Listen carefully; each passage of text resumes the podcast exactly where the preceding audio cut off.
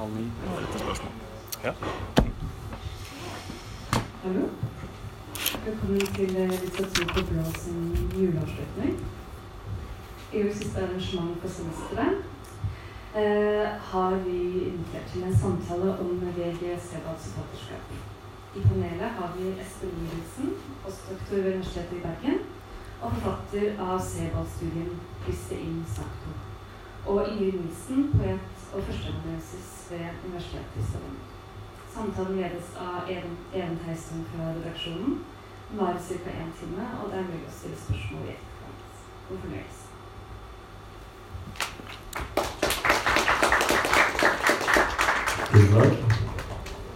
Så ja, og så skal vi nå snakke om VG Sebats forfatterskap. Og før jeg lar mine to medsamtalere gå i gang med sine innlegg, så tenkte jeg å gi et uh, kort riss av hvem og hva vi egentlig har med å gjøre her.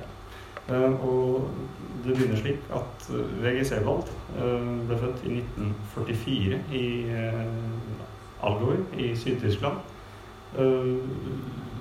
Flytta fra Tyskland etter en uh, kort utdanning. Uh, ble akademiker i England, Manchester, deretter Norwich, uh, hvor han underviste i, i, litteratur hele sitt liv.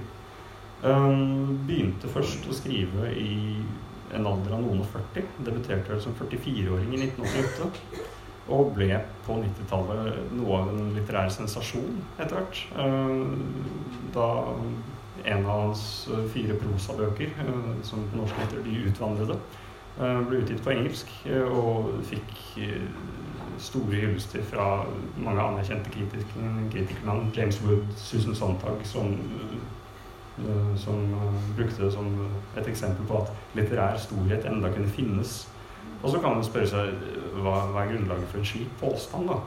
Men det er jo da det at disse fire prosabøkene, som nok i hovedsak vil gå om her i kveld, består av en sånn slags merkelig hybrid av forskjellige stilarter og former. Det er en form for historieskriving, essayistikk, reiselitteratur.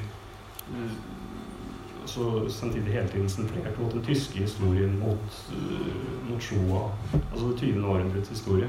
Men også med bruk av bilder med, som da settes inn i teksten, som kommenteres, som ikke kommenteres, osv. En, sånn, en form for nyskapning som bryter med den litterære tradisjonen både i Tyskland og i det øvrige europeiske og amerikanske markedet.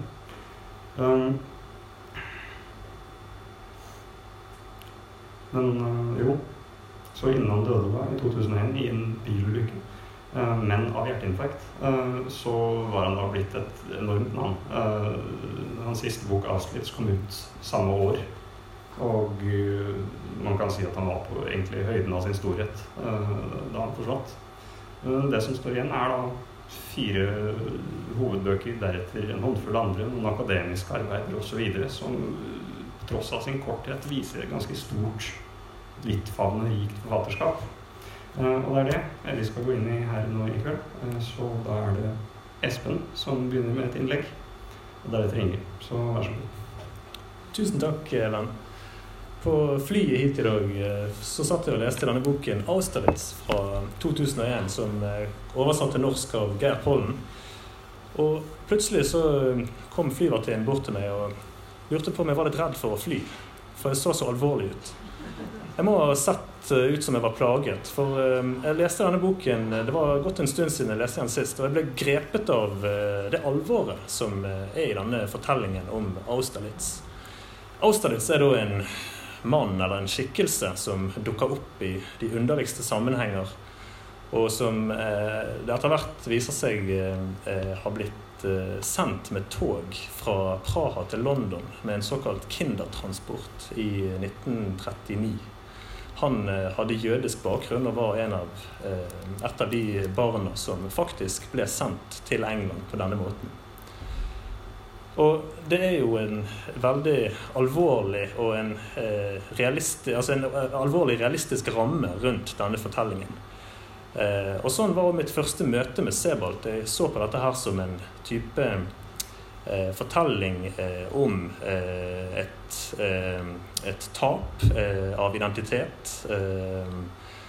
historien om Austerlitz eh, tar etter hvert form, og han betror seg til fortelleren eh, og beskriver hvordan han hele livet har gått uten å finne noe tilhold eh, noe sted. Har aldri følt seg eh, som et helt menneske. Og jeg tror mange leser Austerlitz på denne måten, og det er åpenbart at det er en mulig måte å se denne boken på. Eh, men det er òg mye mer i denne boken. Eh, og eh, bare de første sidene toucher egentlig innom såpass mange ulike tema at vi burde faktisk vie oss litt til hvordan denne romanen åpner. fordi det begynner da i Belgia, på, i Antwerpen, der det er en scene på på jernbanestasjonen i, i ventehallen på Antwerpen sentral. Eh, og eh, der, eh, der eh, møter da fortelleren denne Austerlitz, som bare dukker opp. Eh, og eh, det blir da beskrevet som, som følger. En av de personene som ventet i Salle de Pas Perdu, var Austerlitz. En mann som den gang, i 67, fortsatt virket nesten ungdommelig med blondt hår som hadde en merkelig fall jeg ellers bare har sett hos den tyske helten Sigfrid i Langs Nibelungen-film. Som ved alle våre senere møter var Austerlitz den gang i Antwerpen kledd i tunge vandrestøvler, en slags arbeidsbukse av bleket blått katun, i tillegg til en skreddersydd dressjakke som for lengst var gått av mote. Og foruten ved sitt ytre skilte han seg fra de øvrige reisende, også ved at han var, eneste, var som den eneste ikke stirret det udeltagende hen for seg, men derimot var opptatt med å gjøre notater og lage skisser som åpenbart vedrørte den praktfulle salen vi begge satt i, og som i mine øyne snarere så ut til å være beregnet for en statlig seremoni enn for å vente på den neste togforbindelsen til Paris eller Ostende. For når han ikke holdt på med å skrive noe, var blikket hans ofte lenge rettet mot vindusrekken, de kanelerte veggsøylene eller andre deler og enkeltheter av romkonstruksjonen. Og så går det videre. Det blir beskrevet hvordan denne eh, vandrehallen i, i, Antwerpen ser ut. Og her er vi i løpet av de første 20 sidene innom et mangfold av tema. Det handler om det moderne tidskonseptet og hvordan det disiplinerer vår hverdag. Det handler om Belgias kolonihistorie, om verdenshandelens kapitalakkumulasjon, nederlandske landskapsmaleri fra 1500-tallet, festningsarkitekturens uhyrlige utvekster og tortur av belgiske motstandskjempere under andre verdenskrig. På noen få sider så er i grunnen de viktigste temaene i Sebert sitt forfatterskap antydet. Og det er da Kanskje særlig eh, refleksjonen over den moderne verden som vi lever i, og som har vokst frem de siste 150 år. Og refleksjonen over den fremskrittstenkningen eh, og de, eh, eh den utbyggingen som har foregått eh, av infrastruktur og av bygninger i løpet av eh, det, det siste århundret. Det for det første. For det andre, det som har med traume å gjøre. I eh, et fort eh, utenfor Antwerpen så eh, finner, så finner fortelleren frem til en historie om hvordan en, en tysk forfatter, Jean Amery, hvordan han ble torturert under andre verdenskrig. Og i tillegg hvordan hele tiden moderniteten og den flotte materielle verden som har utviklet seg, bærer i seg en form for destruksjon og forfall og ødeleggelse. Og at disse her går hånd i hånd. Eh, altså fremskritt, vold og forfall og ødeleggelse som, som eh, tre deler som, som, henger tett sammen. Og det var dette jeg begynte med, som så mange andre. Eh, fascinasjon for dette alvoret og for disse eh, store tunge temaene eh, som, eh, som, eh, eh, som Sebald skriver så mye om. Og når jeg begynte å gå litt nærmere inn på eh, hva dette traumet består i, så var det en god del interessante ting som dukket opp. For jeg begynte å nærlese disse tekstene til Sebald eh, da jeg begynte på et doktorgradsprosjekt på Universitetet i Bergen. og det som slo meg etter ganske kort tid, var det at det er vanskelig å forene disse tekstene med en form for psykologisk realisme. At det er ikke et traume i Altså Det er naturligvis et traume som blir fremstilt her, men det er ikke bare et traume. Det er også noe mer. Det er akkurat som om disse tekstene hele tiden handler om noe mer enn bare det som eh, blir fortalt. Og denne personen Austerlitz da, eh, åpnet seg etter hvert. Eh, og i en ganske viktig og ganske gripende passasje i boken så beskriver han hvordan han eh, etter mange års eh, leting etter sitt opphav, etter sine røtter. Hvordan han eh, gradvis eh, malte seg inn i et hjørne og mistet evnen til å formulere seg. Og nærmet seg et psykisk sammenbrudd. Og I beskrivelsen av dette sammenbruddet så gjenkjente jeg noen passasjer som helt utvilsomt ikke stammet fra Sebald sjøl, men som eh, stammet fra den østerrikske forfatteren eh, Hugo von Hofmannsthal som i 1901, 100 år før Austerlitz kom, beskrev en språkkrise eh, hos eh, eh, den fiktive lord Chandos. Så hva skulle jeg gjøre med dette? Her hadde vi på den ene siden en gripende fortelling om en mann som manglet sin identitet, og som manglet et tilhold i livet, og som mistet språket fordi han ikke fant ut hvem han var, eller hvor han hørte til. På den annen side så var dette traumet beskrevet ved hjelp av en passasje som Sebald hadde lånt av en annen forfatter. En tekst som har et helt annet tema og står i en helt annen sammenheng. Og dette ble jo et såkalt tolkningsproblem. Og mer kom det til. For jo dypere jeg gravde, jo mer fant jeg. Det viste seg det at disse alvorlige temaene som Sebald skriver om, de handler åpenbart om eh, denne realhistoriske rammen og disse tingene vi kjenner som vår virkelige historie. Men den måten det er fortalt på, det består av så mye annet som egentlig ikke har noe med den diskursen å gjøre. Nemlig litteraturen. Det er den som kommer inn hos Sebald, og som gjennomsyrer, og som, eh, som eh, eh egentlig er det verktøyet Sebald bruker for å eh, eh forstå Eh, mye av sin historie og, og, sine omgivelser. Og jeg fant Kafka, Prost, Wittgenstein, Robert Walser, Adorno.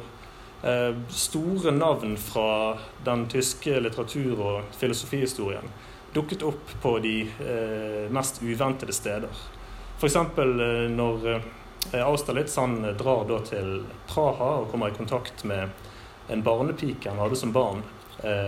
Og hun beskriver da hvordan Austerlitz sin mor ble deportert av nazistene. og det som dukker opp i den passasjen, som åpenbart er en veldig gripende passasje, det òg Det viser seg at disse mennene som pågriper moren til Austerlitz, de er da beskrevet med de samme attributtene som i Kafka sin 'Prosessen'. Det er de samme, den samme bekledningen på de mennene som pågriper, pågriper eh, Josef K. hos Kafka. Så hva gjør vi med dette her? Her er det to ting som peker i helt forskjellige retninger. Og dette eh, jobbet jeg videre med, og, og eh, laget etter hvert eh, ja, en akademisk studie av det. Og eh, har vel egentlig, kom vel egentlig frem til det at eh, for Sebald så er eh, dette med refleksjon over historien helt klart det viktigste anliggende. Men like mye at litteraturen er for Sebald det verktøyet han kan erkjenne historien med. Og det å begripe historie for Sebald, det er helt åpenbart en prosess som går ut på å Eh, tenke seg inn i det som har vært. Men det, en, det krever òg en intellektuell skjerpethet og en refleksivitet som man kun kan oppnå eh, ved å dvele eh, ved det, de, disse historiske hendelsene. Og aller helst ved å bruke kunst og litteratur til å forstå dem på en inntrengende måte. Eh, så det er en interessant og underlig spenning i Sebald sitt forfatterskap mellom det som er eh, realistisk, det som er traumatisk, eh, og det som er historisk åpenbart eh, veldig viktig. Og det som er litterært, eh, det som inngår i ulike estetiske nettverk, eh, og det som eh, kun egentlig lar seg begripe ved hjelp av, av disse estetiske mediene. Så jeg tenker jeg skal, jeg skal gi meg der, jeg. Så kan Ingrid få fortsette. Takk.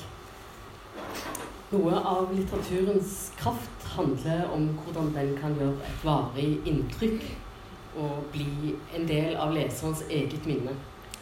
Det kan være detaljer i en replikk i en roman, eller et omslag i en tanke, eller et rytmefall i et dikt, som liksom setter et merke som et avtrykk i sjelen eller kroppen, jeg vet ikke, men som blir en del av ens eget minne. Det har iallfall jeg tenkt i høst når jeg igjen har lest Sebalds eh, forfatterskap. Med noen tekster var det år siden jeg hadde lest ham sist. Og jeg merket at jeg hadde glemt deler av handlingen, og jeg hadde også glemt noen perifere personer. Men noen setninger, når jeg leste de igjen, brast liksom fram som minner. Som om de hadde vært der og virka i meg helt siden sist.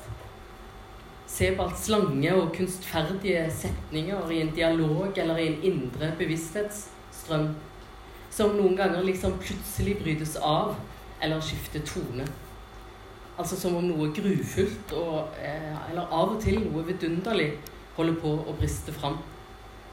Og det er akkurat dette skjelvet i stemmen, i den stemmen som forteller, som er så merkbart hos Sebald, som merker seg av jeg har tenkt på grunnen til at det er på denne måten, for det skyldes ikke at jeg har spesielt god hukommelse. Kanskje handler det snarere om en fornemmelse av at disse fortellingene fremstår med en usedvanlig nødvendighet. For det er en dempa, men nesten avgrunnsdyp fortvilelse som snakker ut av disse fortellingene. Som om det er mennesker som for første gang forsøker å finne et relevant språk for sine liv og som liksom kaster ordene fremfor seg, usikkert og prøvende, for å forstå seg sjøl, men fremfor alt for å bli virkelige for seg sjøl og andre. Jeg tenker f.eks. på romanen 'Austerlitz', hvor den navnløse fortelleren møter igjen Jacques Austerlitz etter over 20 år, helt tilfeldig på en bar i London.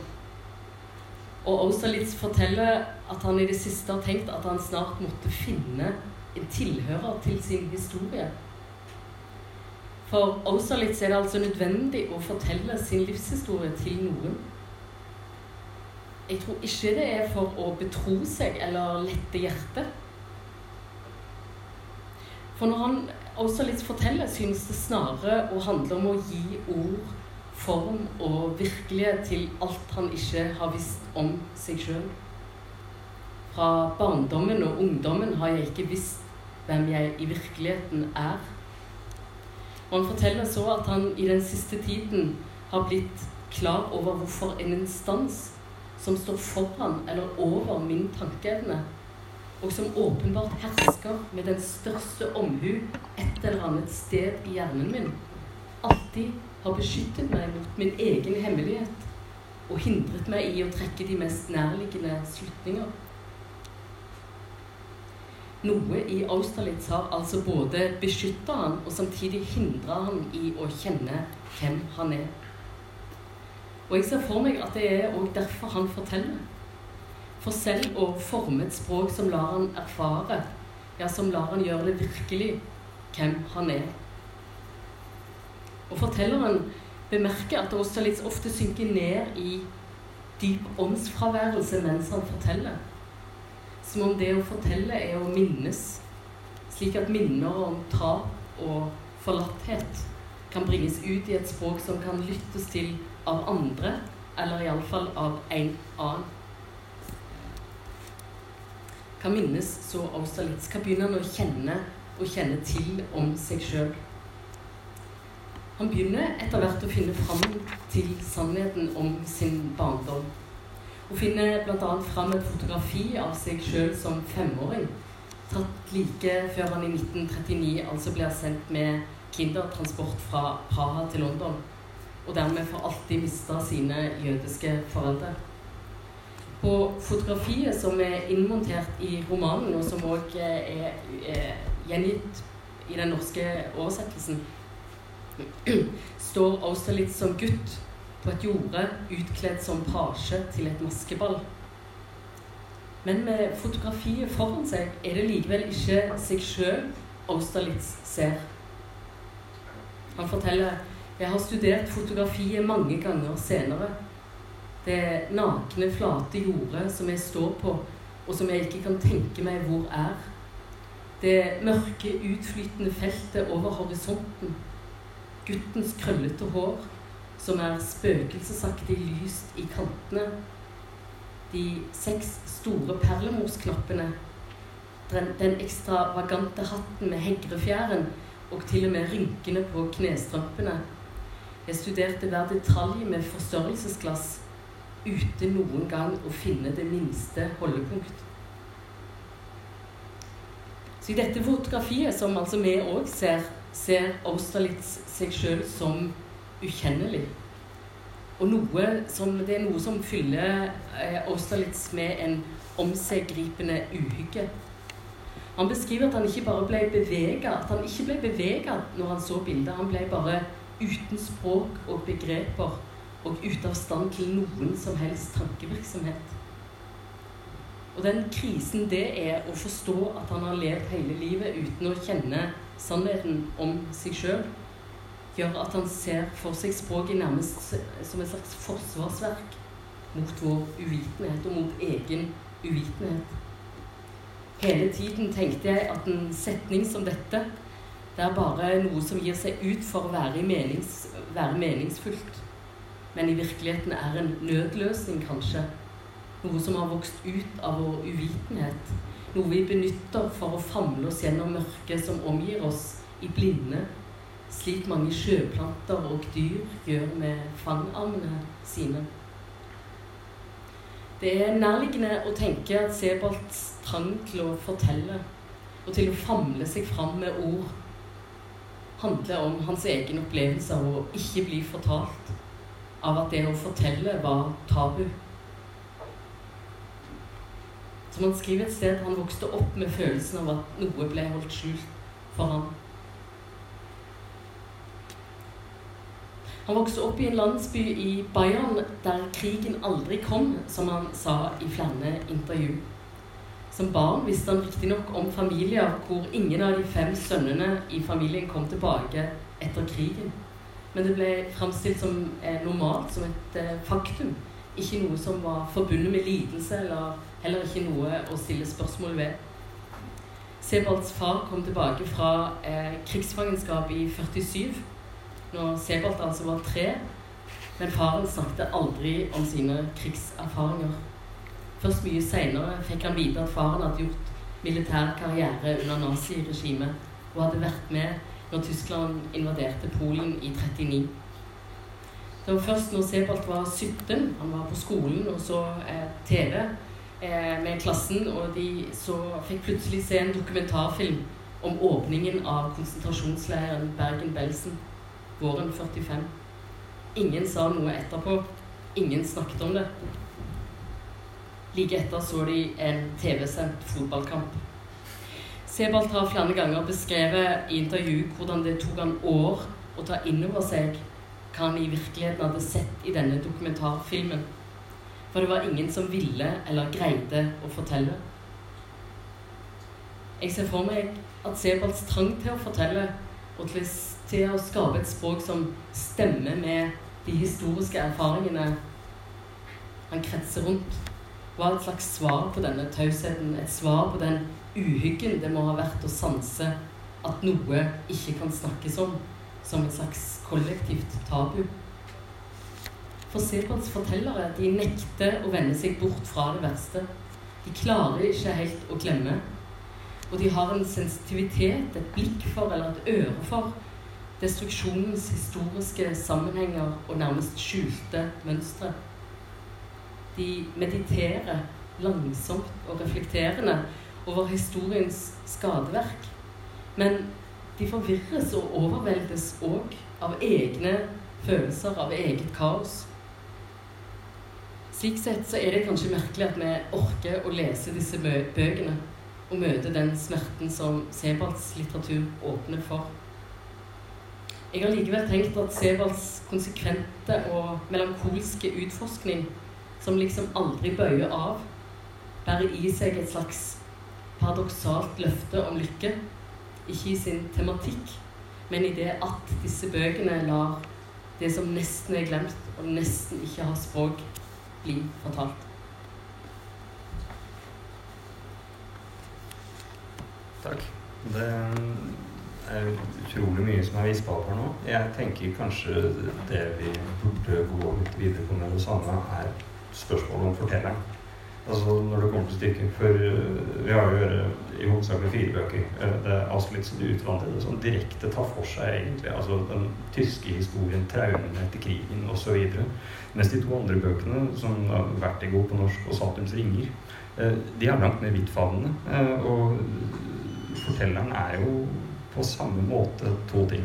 På samme tid to ting. Det er På den ene siden så er det en sånn slags biografisk skalkeskjul for personen VG Sebald som man kan tenke, som du sa, skrive med en viss grad av nødvendighet.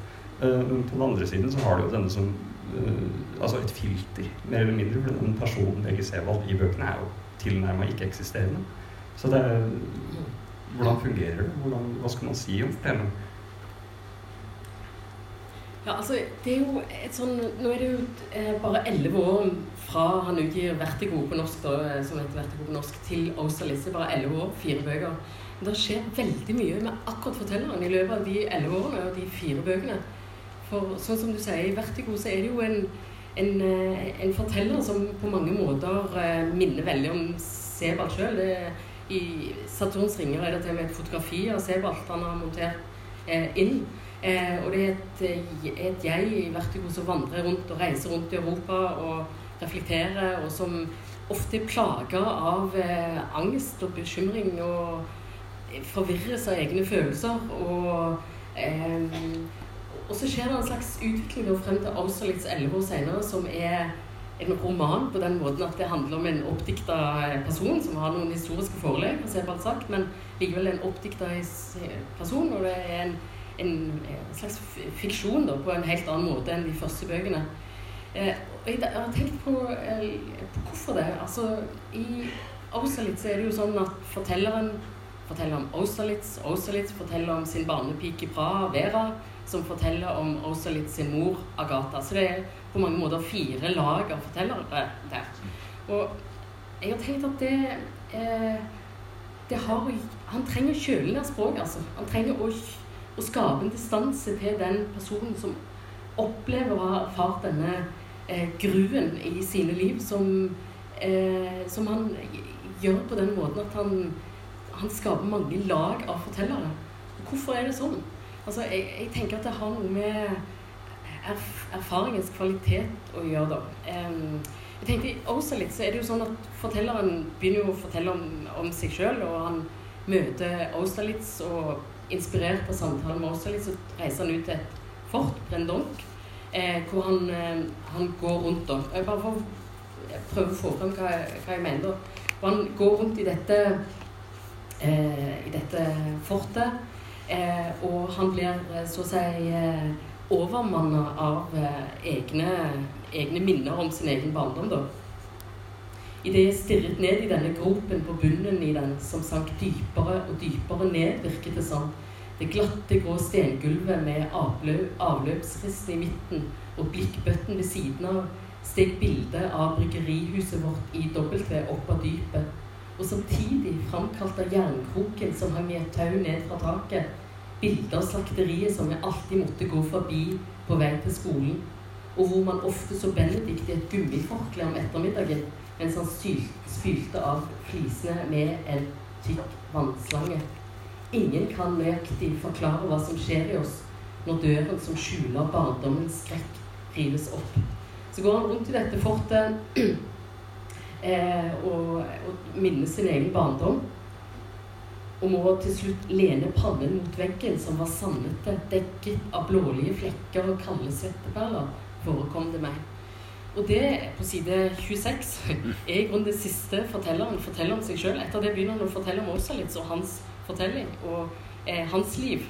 Så for meg virker det som det, han, han, han, kan ikke fortelle om de erfaringene fra sin egen barndom i, i jegets form. da. Mm. Så han må begynne å fortelle om han, den tredje, en annen person. Jeg tror det har noe med liksom, den type kriseerfaring eller avgrunner som, som, det her fortelles om, og som man kretser om, som man ikke helt enkelt kan fortelle ut fra et jeg, rett og slett. Mm. Jeg tenker på Kafka, som jo skriver om lykken, øh, lykken i å finne ut at han kan skrive øh, om en tredjeperson, et han.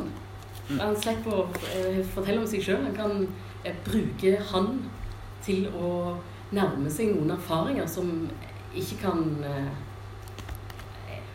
som ikke et jeg kan helt fortelle ut fra seg sjøl som intakt person. Mm. Mm.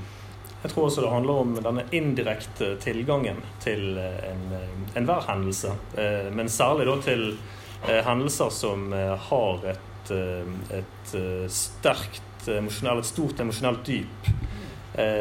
Sebald skriver jo at han ikke vil skrive en faghistorisk avhandling fordi at Eh, det er en type erkjennelse som er forflatet, og som eh, eh, ikke gir den inntrengende innsikten som litteraturen kan gi.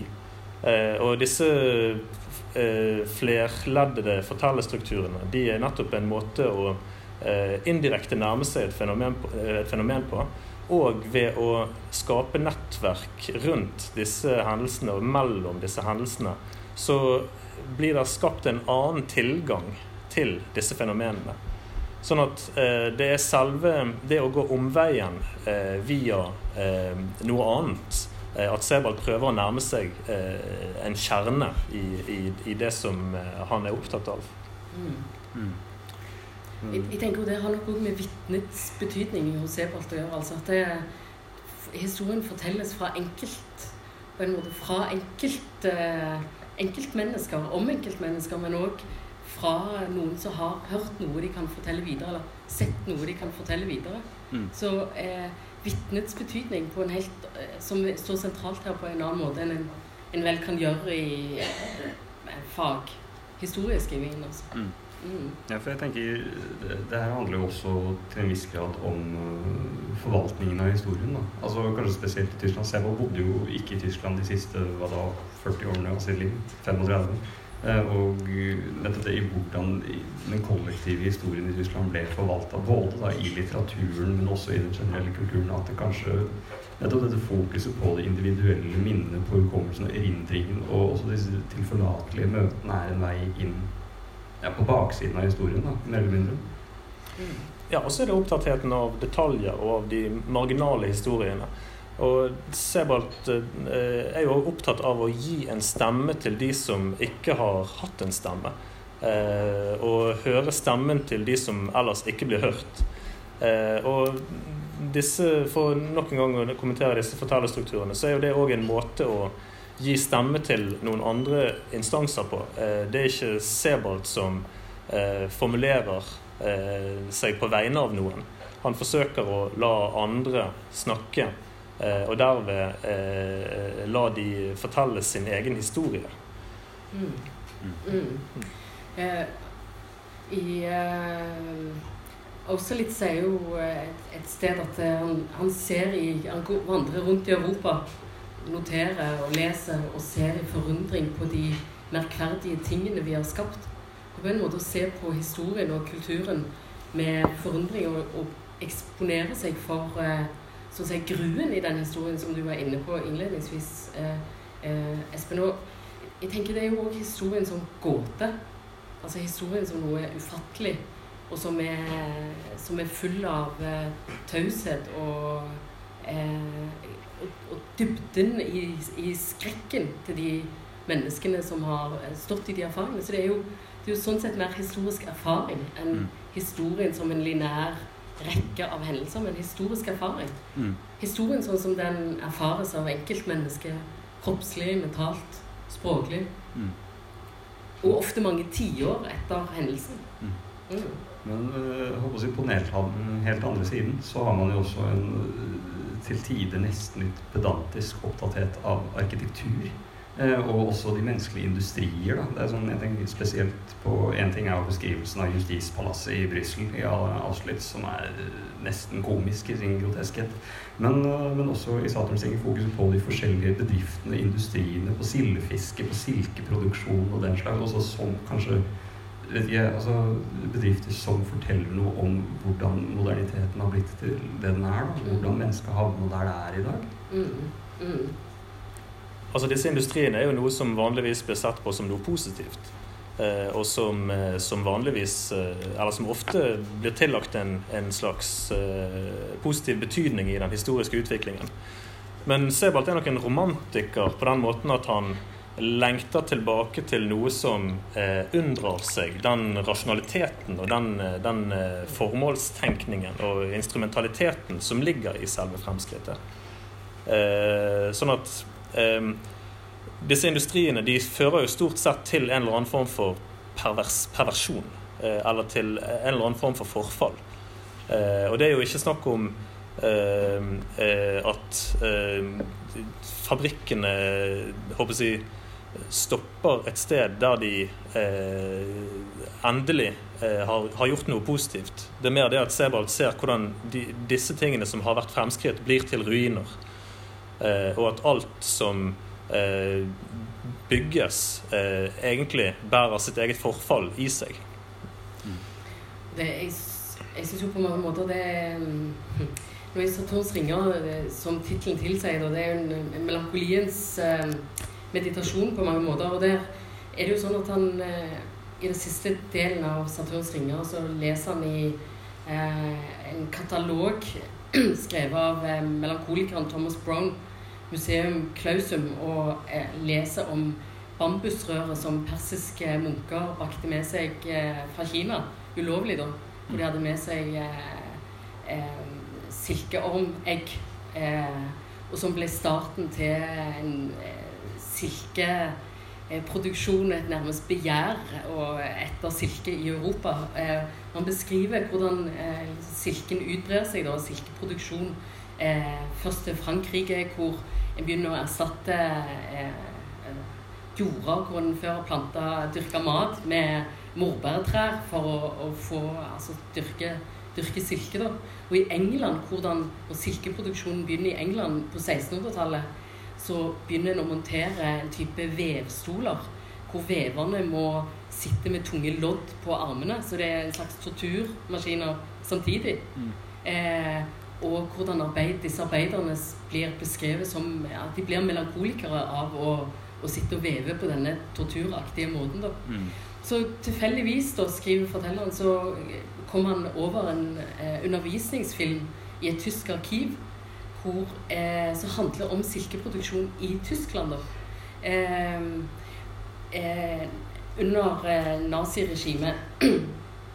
og han ser denne filmen, får sett denne filmen og ser menn og kvinner i hvite laborantkitler arbeidet der i lysflommende, nyhvittede rom med snehvite spinnerammer, snehvite papirark, snehvitt gasspinn, snehvite kokonger og snehvite forsendelsessekker av lim.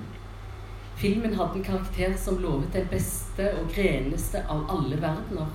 Et inntrykk som ble ytterligere forsterket da jeg leste tekstheftet, som vel i første rekke var med for lærerne. Altså dette i 36, da. Sånn at eh, silkens så, så å si historiske transformasjoner da, fra Kina via disse bambusrørene og til Sentral-Europa, og altså òg inn i Det tredje riket, som så å si bærer av drømmen om hvithet eh, eh, da, eh, på en eh, ganske uhyggelig måte. Og så beskriver han jo disse silkemøllene helt zoologisk, og beskriver hvordan en i filmen får se hvordan en arbeider med silketrådene, og òg med avlivingen av disse silkeormene, som òg er modernisert og under Det tredje riket. Endelig avlivingen som her ikke skjer ved at man utsetter kokongene for solen, som ofte tidligere, eller skyver dem inn i en varm bakerovn, men derimot ved at man holder dem over en innmurt bryggepanne som hele tiden holdes kokende.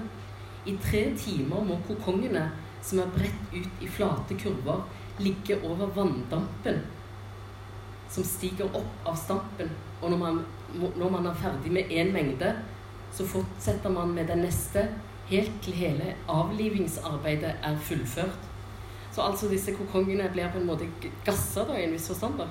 Eh, selvfølgelig som en slags løs metafor for hvordan Det tredje riket utvikla nye avlivingsmetoder òg for mennesker. Men, men, det sies aldri eksplisitt. Det, det, blir liksom stående der og dirre som en slags eh, grufull metafor. da. Mm. Det, en, eh, det, bringer oss over på det neste. For apropos nettopp den metaforen der Tidligere i boka, i kapittel tre, tror jeg, så er det en lang redegjørelse på sildefiskets historie. Hvor det også beskrives hvordan sildefisket gikk til, til de proporsjoner at silda lå og råtna i havna og gang på gang. Og så midt inni her, inni den tekstflyten, så plutselig slår man opp på en dobbeltside hvor det er trykka et bilde av en skog. Eh, og så forundrer man seg over hvorfor det er et bilde av skog der. Og så viser det seg etter hvert at det ligger lik på lik på lik i gresset mellom trærne. Eh, og eh, da er man jo også En ting er metaforen, en annen ting er at vi da er inne på bruken av bilder. Så det er jo et av de mest grunnleggende særpregene ved Sebas-bøker, er at det er jo innmontert ganske dårlige svart-hvitt-fotoer i alle bøkene som løper gjennom tekstene. Delvis kommenterer, delvis står ukommentert. Mm. Og kunne du da kanskje eller det, sagt noe om disse, disse bildenes funksjon? Mm. Altså hvorfor brukes de? Hva mm. gjør det med leseopplevelsen? Mm. Jeg tror vel egentlig at de skaper en del distanse. Eh, noen ganger så fungerer det som eh, en slags utvidelse av teksten, og de står åpenbart i et slags illustrerende forhold til teksten. Andre ganger er det mer uklart hva bildene betyr. Noen ganger er det en slags allegorisk eh, parallell betydning som har en eller annen forbindelse, sånn som i tilfellet med, med disse likene i forbindelse med sildefisket. Eh, men, men eh, altså, det, det, er nok et sånt element som eh, skaper en distanse, og som gjør at leseren må reflektere over sin egen forståelse. det finnes ingen rett vei inn i Sebalds eh, univers. Eh, tvert imot må man gå via omveier. Og jeg tror at disse bildene avbryter leseflyten. Eh, og, og, og, og, tvinger leseren til å tenke gjennom disse sammenhengene på nytt igjen. Og selv etter mange år med Sebald, så er jeg fortsatt ikke, blir jeg fortsatt ikke helt klok på disse tekst-bildeforbindelsene. Mange av de forstår jeg fortsatt ikke. Nei, det er ganske gåtefullt. Eh, men så leser jeg et intervju at Sebert kommenterte at han var opptatt av at bildene skulle være autentiske. Altså at de ikke er lagd til for utgivelsen, men at det er bilder han av og til har tatt sjøl. Av og til har funnet i bruktbutikker, postkort, eh, avisutklipp, notatbøker som han eh, monterer inn. da. Og han sier at, på den ene siden så har det eh, Jeg mente å ha en slags sånn historisk dokumentasjonsverdi. Altså det viser at dette, dette har skjedd. Eh, så å si. Altså, på en måte trekker det i retning av noe dokumentarisk. Men han beskriver òg behovet for å stoppe tiden med disse bildene. Altså, En fortelling går jo videre. Den strekker seg ut i tid, men bilder på en helt annen måte stanser tiden. Og så skriver, bemerker han, og det, det trenger en leser. altså Det er behagelig for en leser å få lov til å stige ut av tiden. Men jeg tenker for min egen del så er det noe uhyggelig òg med disse bildene ofte, da. Mm. Eh, Eh, for eksempel eh, så er det jo, det er jo eh, I mange av bildene er det jo noen ansikt, noen mennesker som stirrer, stirrer mot oss. Liksom plutselig når vi blar om, så er det et blikk som når oss, som på en måte bryter av fortellingen. da. Men på en litt uhyggelig måte. Som det er en sånn slags aura av en annen virkelighet som liksom siver ut av boken på en, på en, annen, på en språkløs måte òg. Det er jo noe annet enn språk. da veldig tydelig. Og jeg tenker kanskje mest sånn ytterliggående eksempel er vel i Austerlitz når eh, Austerlitz begynner å finne fram til sannheten om sin egen mor, at hun ble deportert til Theresienstadt konsentrasjonsleir. Og han finner fram til en film som, propagandafilm som ble lagd fra Theresienstadt eh, i forbindelse med at Røde Kors skulle komme på besøk. Da. Og de puste opp denne leir, gettoleiren og eh, lagde teatersal og eh, musikk, eh, og så ser han denne filmen, får endelig tak i den, og bildene flimrer forbi. Og han ser jo eh, eh Han håper han kan få både se sin mor, og at moren så å si nesten skal tre ut av, eh, av filmen. da. Så han får lagt en slow motion-variant for, for å se om han får øye på moren. da. Eh, og ganske riktig så syns han han ser en kvinne som kan eh, kan passe til beskrivelsen av hans egen mor. da. Og det er klart Når vi da blar om og ser dette bildet av to leirfanger som sitter og later som de hører på jazzmusikk, eller liksom underholdes, og vi liksom blar om og ser dette blikket ut fra Theresienstadt, så er det veldig uhyggelig. altså. Mm. Eh, og borrende, på en måte. Mm. Mm. Ja, for uh, akkurat det her, egentlig, det, det, er også det som forekommer i slutten av den siste fortellinga i De utvandrede, Max Aura, hvor, uh, hvor uh, fortelleren kommer på en fotoutstilling han var på fra Getto Nillods, mm. hvor, hvor, han da også beskriver et bilde av tre veversker. men for det første, det bildet dukker jo ikke opp i boka. Han bare beskriver det utførlig, men han beskriver også hvordan han ikke tåler å se på det. Hvordan han må bryte blikket. Han, han føler seg beglodd på et vis. Han føler at det er et ansvar som ligger der. Mm. Og det er kanskje håper jeg, Sebasfortellers nullpunkt. Det, om man kan si det sånn. At det, er, det, det finnes et endepunkt også for fotobruken. Mm. Mm. Men, uh, men, det jeg også tenkte, er at uh, det finnes et samsvar mellom disse fotografiene på den ene siden og bruken av sitater og intertekstualitet på den andre. For, for det er nå engang sånn som Espen har påpekt, at uh, bøkene er stappfulle av sitater. Det er til en sånn grad at det neppe ville vært lov å gi ut de bøkene her i dag. Eh, men, eh, men, så kan man jo spørre seg hvorfor akkurat disse forfatterne. Hva er det med dem? Én ting er f.eks. som jeg selv har arbeida med, bruken, Sevals bruk av Walter Benjamins tankegods, som jo er en åpenbar modernitetskritiker, og som påvirker. med hva med de andre? Hva med Kafka, Wittgenstein, Walser osv.? Hva gjør det med lesingen? Det er et uh, veldig godt spørsmål. For én uh, uh, ting er disse sitatene som dukker opp i, i bøkene. en annen ting er de litteraturkritiske arbeidene til Sebald og essayene hans, som ofte er veldig polemiske. og f.eks. det som Even nevner med Walter Benjamin. Walter Benjamin var jo en slags et slags uh, positiv Altså en, en, en, en av Sebalds yndlingstenkere. Uh, og i, i, arkivet etter Sebald i, i Marbar, der står uh, Benjamin og Adorno de, de, står på en egen hylle i, i de etterlatte bøkene til Sebald der. Uh, og Sebald hadde jo en voldsom affinitet, en sterk uh, affinitet for uh, visse forfattere, særlig jødiske, særlig marginaliserte og outsidere. og tilsvarende var han ekstremt kritisk til enhver tendens som kunne sies å ha en eller annen befatning med Det tredje riket, eller med unnlatende, en unnlatende stillingtagen til eh, Det tredje riket. Eh, alt som hadde med eh, fascisme å gjøre, det var noe som man, som man fordømte på, på, en, på svært ytterliggående vis. Og i de første litteraturkritiske arbeidene hans, en magisterarbeid om en obskur forfatter som heter Carl Sternheim, der utløste han en polemikk på slutten av 60-tallet som, som, gikk i avisene i lang tid. Eh, og seinere òg om Alfred Dublin. Der, eh, der utløste han eh, en kraftig kontrovers. Og på 90-tallet var det da dette oppgjøret med, med Alfred Anders som, som særlig eh, gjorde Sebald til en slags eh, De, de gjorde han nok kjent, eh, denne kritikken òg. Sånn at Det er en voldsomt sterk polemisk side i Sebald sin interesse for litteratur. Samtidig som det er en tilsvarende sterk eh, interesse og identifikasjon for visse forfattere. Så det er et svart-hvitt-forhold. Men det jeg tenker at disse, disse, sitatene gjør, det er vel det at de eh, på en måte eh, er en type hilsener. Eh, en type eh, eh, valgslektskap. Sebald oppretter visse forbindelser til forfattere han selv liker, og som derved tillegger hans egne tekster en viss autoritet. Det er én måte å se det på. Eh, men jeg tror at den mer sånn litterære og mer produktive bruken, det går nok på, på det som jeg har vært litt inne på. Eh, dette med å finne en inntrengende eh, tilgang til historie. og det å fremstille en historisk hendelse på en måte som gjør at vi tvinges til refleksjon. og f.eks.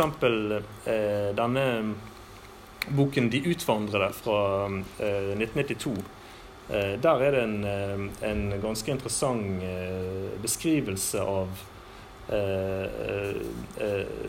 hovedpersonen sin lærer, som heter Paul Bereuter.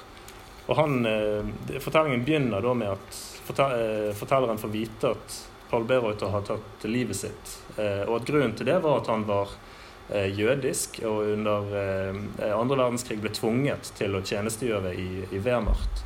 Eh, og etter krigen så eh, fikk han ingen anerkjennelse eh, som jøde, men tvert imot så ble han fortsatt marginalisert og presset ut av samfunnet i landsbyen, der han måtte vende tilbake.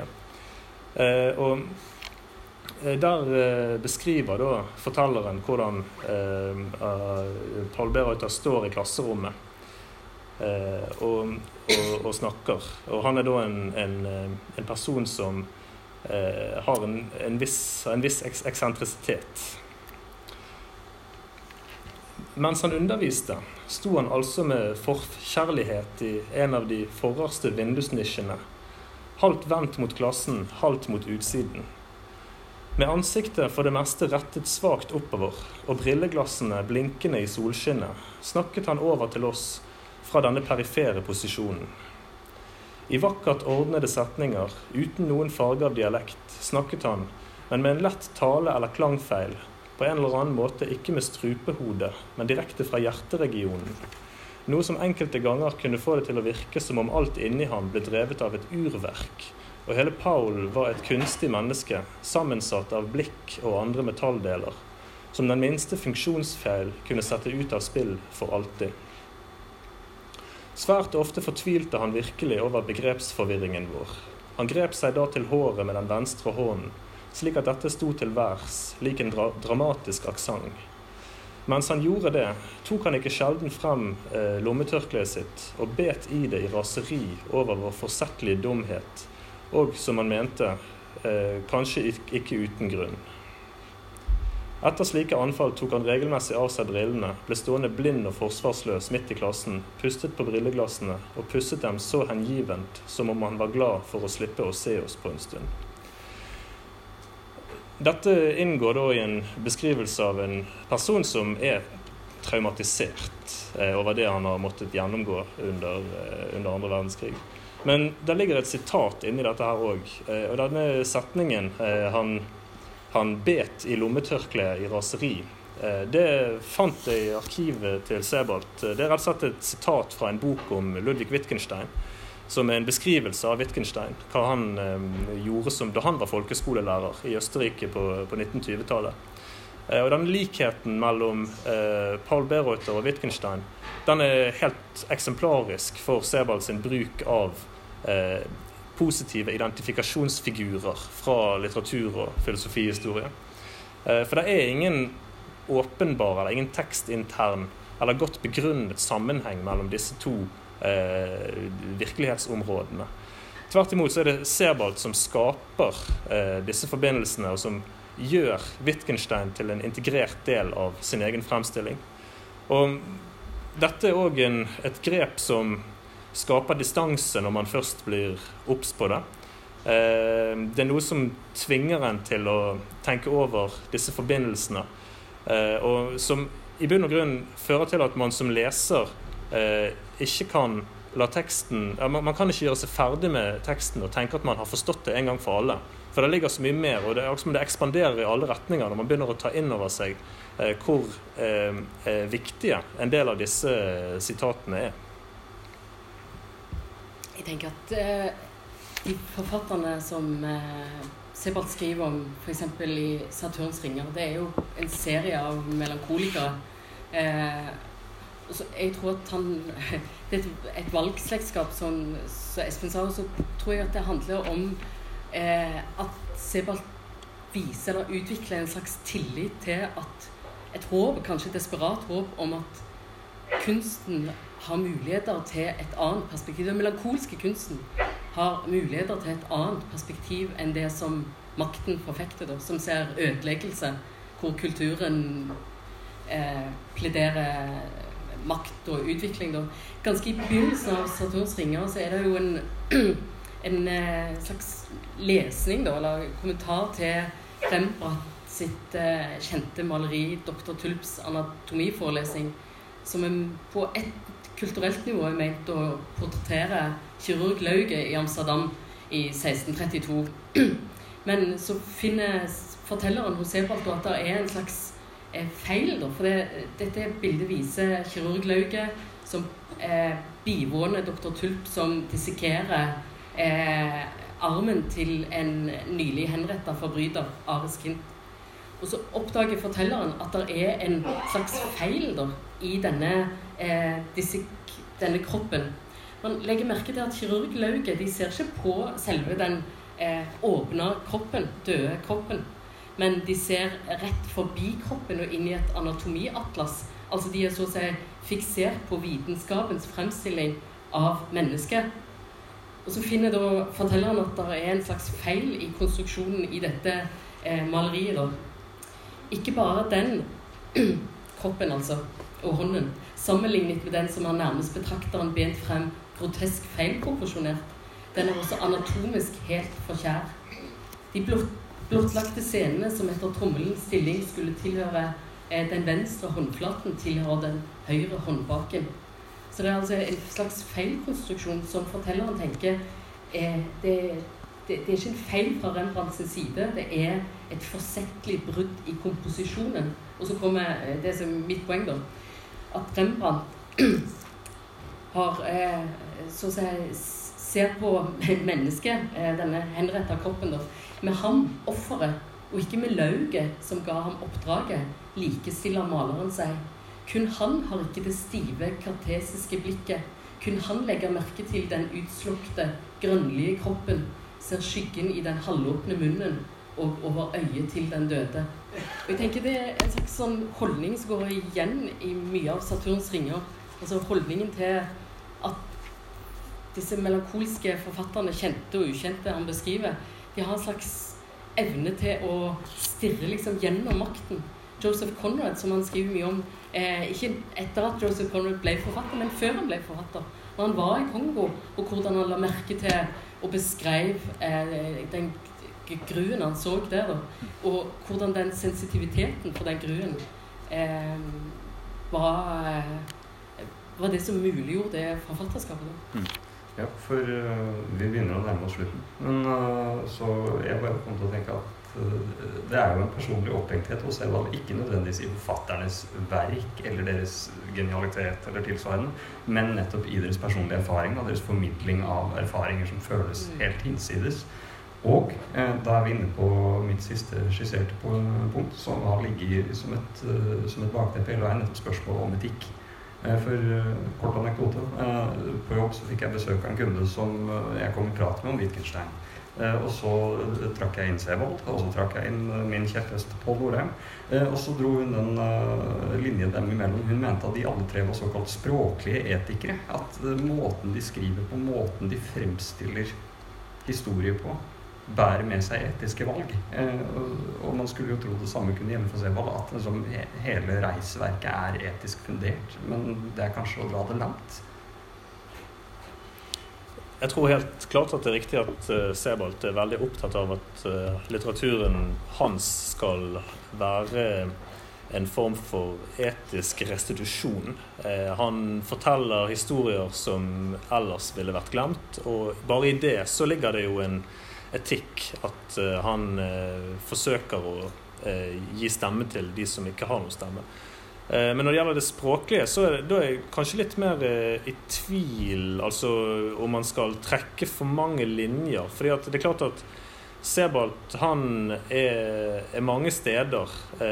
og etikken ligger nok kanskje først og fremst i det at eh, der er ingen, eller der er få veldig direkte uttalte innsikter. Han er han er ikke en påståelig forfatter når det gjelder eh, spørsmål som, som, handler om eh, historie og historieforståelse, f.eks. Eh, der tvinger han leseren til å reflektere, og dermed eh, til å innta en tentativ, altså en forsiktig, eh, prøvende eh, holdning og en forsiktig forståelse av disse fenomenene. Og Det kan man kanskje si er en slags form for etikk i, i dette her. Men det spørs helt hvordan man definerer etikk, da. Mm. Jeg tror at etikken hos Sebald vil jeg tenke handler mye om å, hvordan han viser fram og kretser om den andres utsattheter, den andres smerte. Og det at han, han viser at det ikke er noe enkelt forhold mellom språk og erfaring der, altså. At det er jo eh, nesten den der tentative forsøkene og omkretsende eh, innsirklingen av noen erfaringer som, som det er en holdning i. Som beskriver hvordan tysk forfatter det, Dette handler jo også om forholdet mellom han som tysk forfatter og eh, jødisk eh, moderne historie. Da han skriver om hvordan forfattere på 60- og 70-tallet forsøkte, tyske forfattere, å skrive om holocaust, men det endte ofte med at de egentlig ville framstille seg sjøl i et positivt lys. Og, mm. på en eller annen måte, Som samvittighetsfulle eller eh, noe i den turen, da, er At de hadde noe å vinne på det. da. Og jeg tenker at det, det, er, noe med sensitiviteten i språket da, mm. som, som, er, som, etikken Hvor det er en etikk, den vekslingen, dynamikken mellom de lange, reflekterende og på mange måter eh, språkrike eh, passasjene som liksom plutselig bryter over i liksom taushet eller i noe annet. Det er liksom en slags musikalitet i de, er liksom omslagene. Og jeg tror det er et forsøk, et etisk forsøk òg på å, å nærme, ja, åpne seg for, kanskje. Ikke nærme seg, men åpne seg for historisk erfaring. Mm. E, etisk, altså. Altså i språket. Eh, nettopp i språket. Mm. I hvordan språket oppfører seg. Mm. mm. Og da kommer det inn dette med, egentlig, dette med bilder og sitater eh, på samme måte. At det er en del av, eh, av denne prosessen. Eh, at man går omveier, og først etter en aktiv refleksjon så vil man kunne oppnå en eller annen form for da vil man bli følelsesmessig truffet på en annen måte. Eh, Sebald vil ikke at man skal føle seg inn i historien, han vil at man skal tenke seg inn i det og samtidig bli affektivt berørt. Så det er denne vekselvirkningen mellom det intellektuelle og det følelsesmessige som går hånd i hånd. Der er det òg kanskje en etikk i det å være åpen for historisk erfaring. Det var egentlig en veldig fin uh sirkelslutning. Uh, samtidig så tenker jeg, siden den har vært veldig mye dysterhet uh, her oppe, eller alvor, seriøsitet, så tenker jeg det er på sin plass også å påpeke at Sevald til tider er ganske morsom. Uh, kanskje spesielt i Vertigo, hvor det er en sekvens hvor han sitter på en buss og oppdager to gutter som ligner påfallende på Kafka i sin barndom, og, og prøver å få spørre foreldrene deres om å få tatt et bilde av dem. Eh, noe som ender i at han eh, forlater bussen i skam da han innser at foreldrene tror han er, eh, har urene hensikter. Og jeg veit at du har skrevet litt om humor i Sebald også. Det fordi det er noe som veldig lett kan forsvinne. Ja, altså Han var kjent som en stor en, Som en lakonisk, men hardtslående humorist. Og han, han, dyrket nok en, en form for britisk underfundig humor. og i bøkene er dette bare antydet. men det fins jo en, en, rekke egentlig ganske komiske scener og til dels komiske figurer som har sånne små anstrøk av noe som er humoristisk. Men, men altså, det er ikke en latter som som man ler høyt av. Det er mer en slags refleksiv latter som henger tett sammen med eh, alt dette andre som vi har vært innom. Så det er en, Og med melankolien. for Sevalds melankoli er ikke bare en svart melankoli, men det er òg en hvit melankoli, en produktiv melankoli.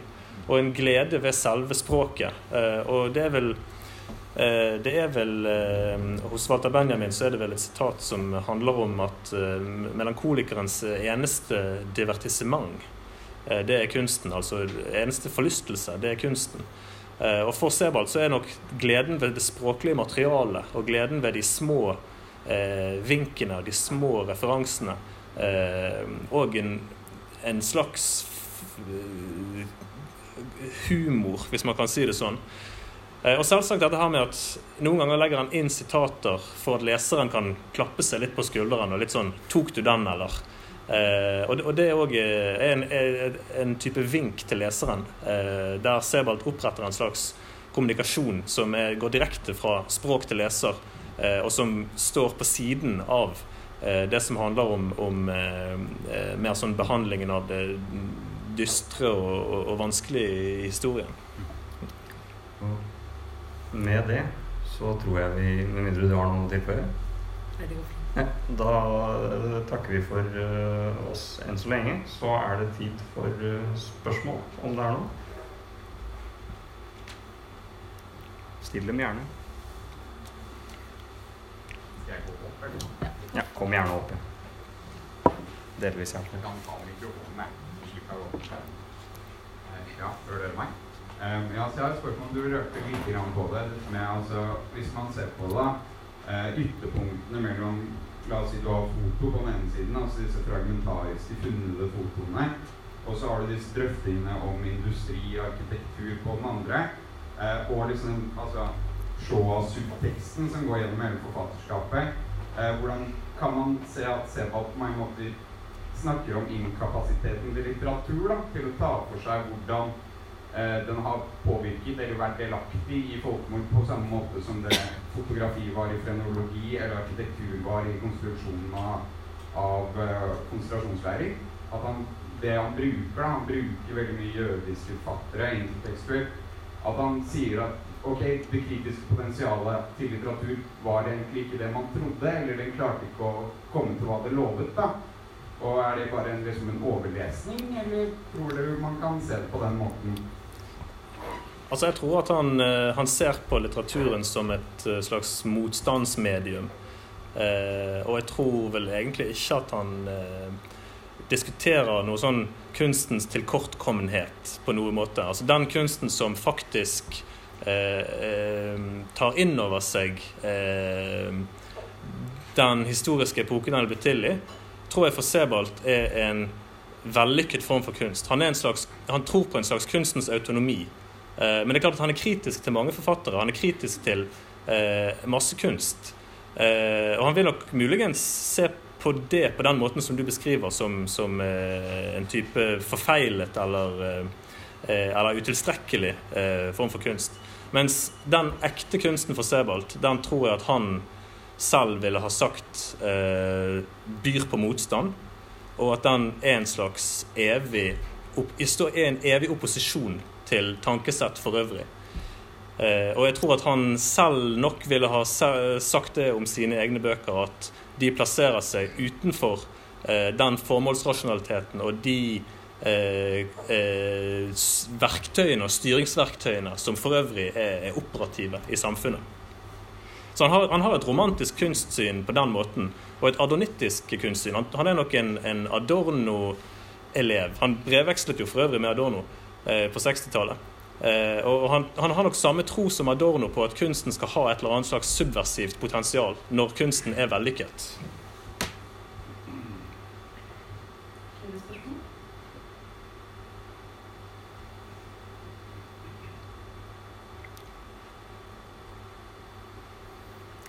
Siste sjanse. Da tror jeg vi eh, sier eh, takk for oss en gang til. Takk for at dere kom. Og takk til panelet. Eh, Jeg skal bare legge til ja, som jeg har sagt, takk for i kveld. Takk til panelet og publikum. Og så ønsker jeg dere tilbake her i januar.